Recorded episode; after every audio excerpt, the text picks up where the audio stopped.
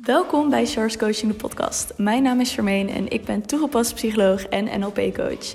Met mijn bedrijf help ik mensen om uit hun hoofd te gaan en vanuit je intuïtie te gaan leven. Dit doe ik door praktische psychologie met spiritualiteit te combineren. In Charles Coaching de podcast interview ik experts op het gebied van spiritualiteit en psychologie. In mijn journey kwam ik erachter hoeveel er werd aangeboden. Op het gebied van psychologie, maar ook op het gebied van spiritualiteit. En voor mijn gevoel mocht dat wat meer overzichtelijk worden. Dus ben ik dit platform gaan aanbieden, zodat jij een overzicht hebt van alles wat wordt aangeboden op het gebied van spiritualiteit en psychologie. Ik wens je veel plezier met het luisteren naar deze geweldige interviews en gesprekken. Hallo en welkom terug bij een nieuwe podcastaflevering van Charles Coaching. Vandaag ben ik met mezelf. Ik ben alleen deze podcast aan het opnemen. En doe ik niet heel vaak. Ik heb meestal interviews met mensen. Maar ik vond het nu leuk om een podcast zelf op te nemen. En in deze podcast wil ik het hebben over een berichtje die ik kreeg. ja, ik ga hem eerst voorlezen. En ja, ik ga hem nu voor je voorlezen. het berichtje dat ik kreeg is: ik heb een mini-cursus. En deze deelnemer had uh, de meditatie gedaan en er viel haar iets op. En wat ze daarbij zegt was: ik heb zojuist je meditatie gedaan. De tweede meditatie die ik überhaupt heel mijn leven heb gedaan. En ik merkte dat ik het best lastig vond om te doen. Achteraf merkte ik dat ik mezelf wel een soort hoge lat oplegde. Dat ik het goed moest doen. Ook dat ik continu moest voelen om op die manier het goed te hebben gedaan. Dit probeerde ik continu los te laten, maar het lukte niet. Hier baal ik best wel van, eerlijk gezegd. Is dit erg? Of kan ik iets de volgende keer beter doen? En wat mij opviel is dat ze ten eerste vroeg, is het erg? Dus dat het erg is dat het haar niet lukte, de zaakjes. En of ze iets beter kon doen. En ik las dat en ik zei tegen haar ook van... Er is geen goed of fout met mediteren. Ik zeg ook vaak in mijn meditaties van... Het kan zijn dat je nu van alles voelt, voelt, ziet of ervaart. Maar het kan ook zijn dat er nu niks gebeurt. En dat er de aankomende dagen iets in gang wordt gezegd. Want er wordt altijd wel iets in gang gezet onder, in je onderbewustzijn. En alles mag er zijn, alles is oké. En op het moment dat jij jezelf dus een druk oplegt dat iets goed moet zijn of dat je iets goed moet doen, zal je ook gaan opmerken dat het juist meer weerstand oplevert. Of dat je je onzeker gaat voelen. Of dat je jezelf niet goed genoeg gaat vinden. Omdat je jezelf een bepaalde, zoals zij ook zei, lat oplegt. En daarbij zei ze ook van ik uh, probeerde het continu los te laten, maar dat lukte niet. Dus ook daarin heeft zij wellicht tijdens de meditatie gezeten van... Oh ja, oh ja, nee, ik moet het niet doen. Oh shit, um, ik moet loslaten, ik moet loslaten, ik moet loslaten. En het woordje moet is zo ontzettend krachtig. Ik had ook een NLP uh, eh, heb ik gedaan. NLP-opleiding. En toen zei mijn docent ook van ja, het woordje moet bestaat niet. Die gaan we niet meer gebruiken. Want moeten zorgt ervoor dat je jezelf een bepaalde druk oplegt.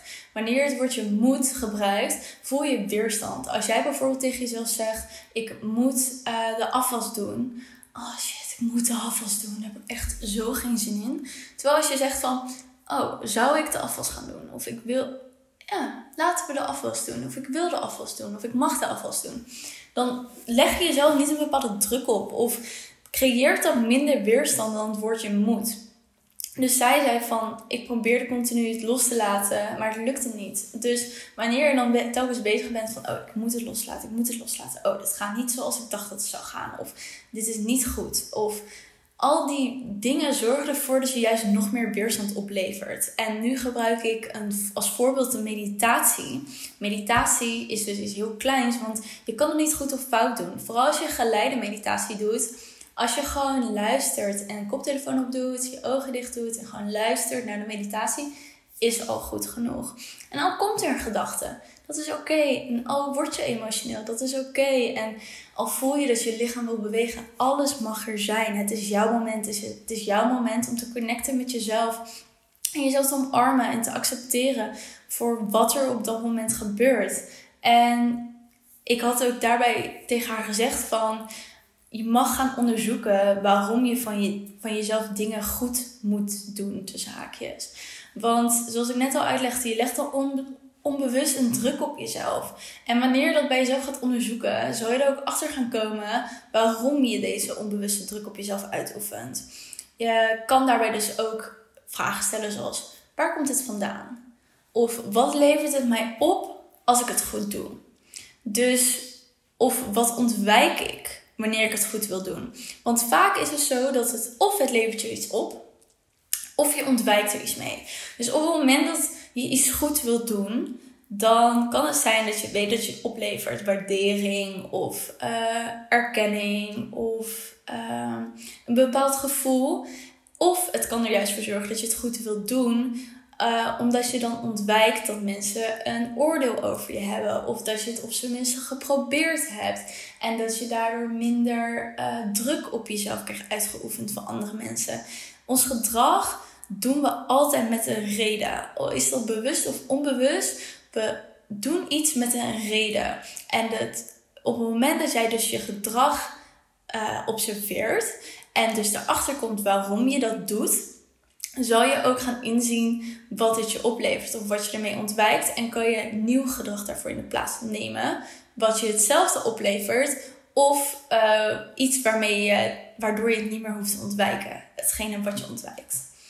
En wat ook goed kan helpen, is de waarom achter je gedrag. Om daarachter te komen. En dat kan je doen door de 7 Why method. En dat is dus dat je zeven keer waarom aan, je aan jezelf stelt. Of iemand stelt het aan jou. Dus in dit geval, uh, ze zei van ik probeer dit continu los te laten. Sorry. Ik probeer dit continu los te laten. Kan je dus aan jezelf gaan vragen, of aan die persoon, waarom probeer je het continu los te laten? Ik ga hem nu even invullen omdat ik het goed wil doen. Waarom wil je het goed doen? Omdat wanneer ik het goed doe, dan um, doe ik iets waardoor ik me goed ga voelen. Oké, en waarom ga je je dan goed voelen? Omdat ik dan een waardering voor mezelf creëer. Oké, waarom creëer je dan waardering voor jezelf? Etcetera, etcetera. Dus zo kom je uiteindelijk bij de kern. Want meestal als je de vijfde of zesde keer waarom vraagt, komt het emotionele stuk naar boven. Komt de echte waarom naar boven. Ik heb bijvoorbeeld dit ook wel eens bij mensen gedaan. En iemand had dan bijvoorbeeld balans. Zei ja, ik wil balans in mijn leven. Nou, bij die 7 Why met te doen, bleek het gaan om acceptatie van zichzelf. En niet over balans vinden, maar dat balans eigenlijk betekende ik wil mezelf accepteren. Dus je kan daarmee heel diep gaan bij jezelf. En ja, het is dus met deze podcast wil ik eigenlijk een soort van bewustwording creëren. Ten eerste, als je wil proberen te mediteren of mediteert, er bestaat geen goed of fout. Probeer het. Wees lief voor jezelf en beoordeel jezelf niet. Laat het maar gewoon gebeuren. En ten tweede wil ik dus ook meegeven dat er vaak uh, een reden is achter je gedrag. En op het moment dat jij dat, die reden achter het gedrag gaat onderzoeken, op dat moment kan je dus ook jouw gedrag weer gaan veranderen. Dus in dit geval, als zij dat onderzoek gaat doen, dan komt ze erachter waarom ze het goed wil doen. En als ze weet waarom ze het goed wil doen, kan ze zichzelf meer ruimte geven om die druk weg te halen. Omdat ze de reden weet en een nieuwe oplossing of een nieuwe manier van dit gedrag uitoefenen of een nieuw gedrag uitoefenen voor zichzelf kan creëren. Alright, dat was de podcast aflevering. Mocht je hier vragen over hebben, give me a follow at Instagram, at Coaching. Of stuur even een e-mail naar info.coaching.nl en dan antwoord ik je vraag graag. En dan zie ik je weer bij de volgende podcast aflevering. Joejoe! Dat was de aflevering alweer. Ik wil je heel erg bedanken dat je tot het einde hebt geluisterd. Mocht je deze aflevering super leuk hebben gevonden, deel hem dan vooral met je vrienden. Je helpt mij ook door een review achter te laten op iTunes. Op die manier wordt de podcast nog meer zichtbaar. Tot de volgende aflevering.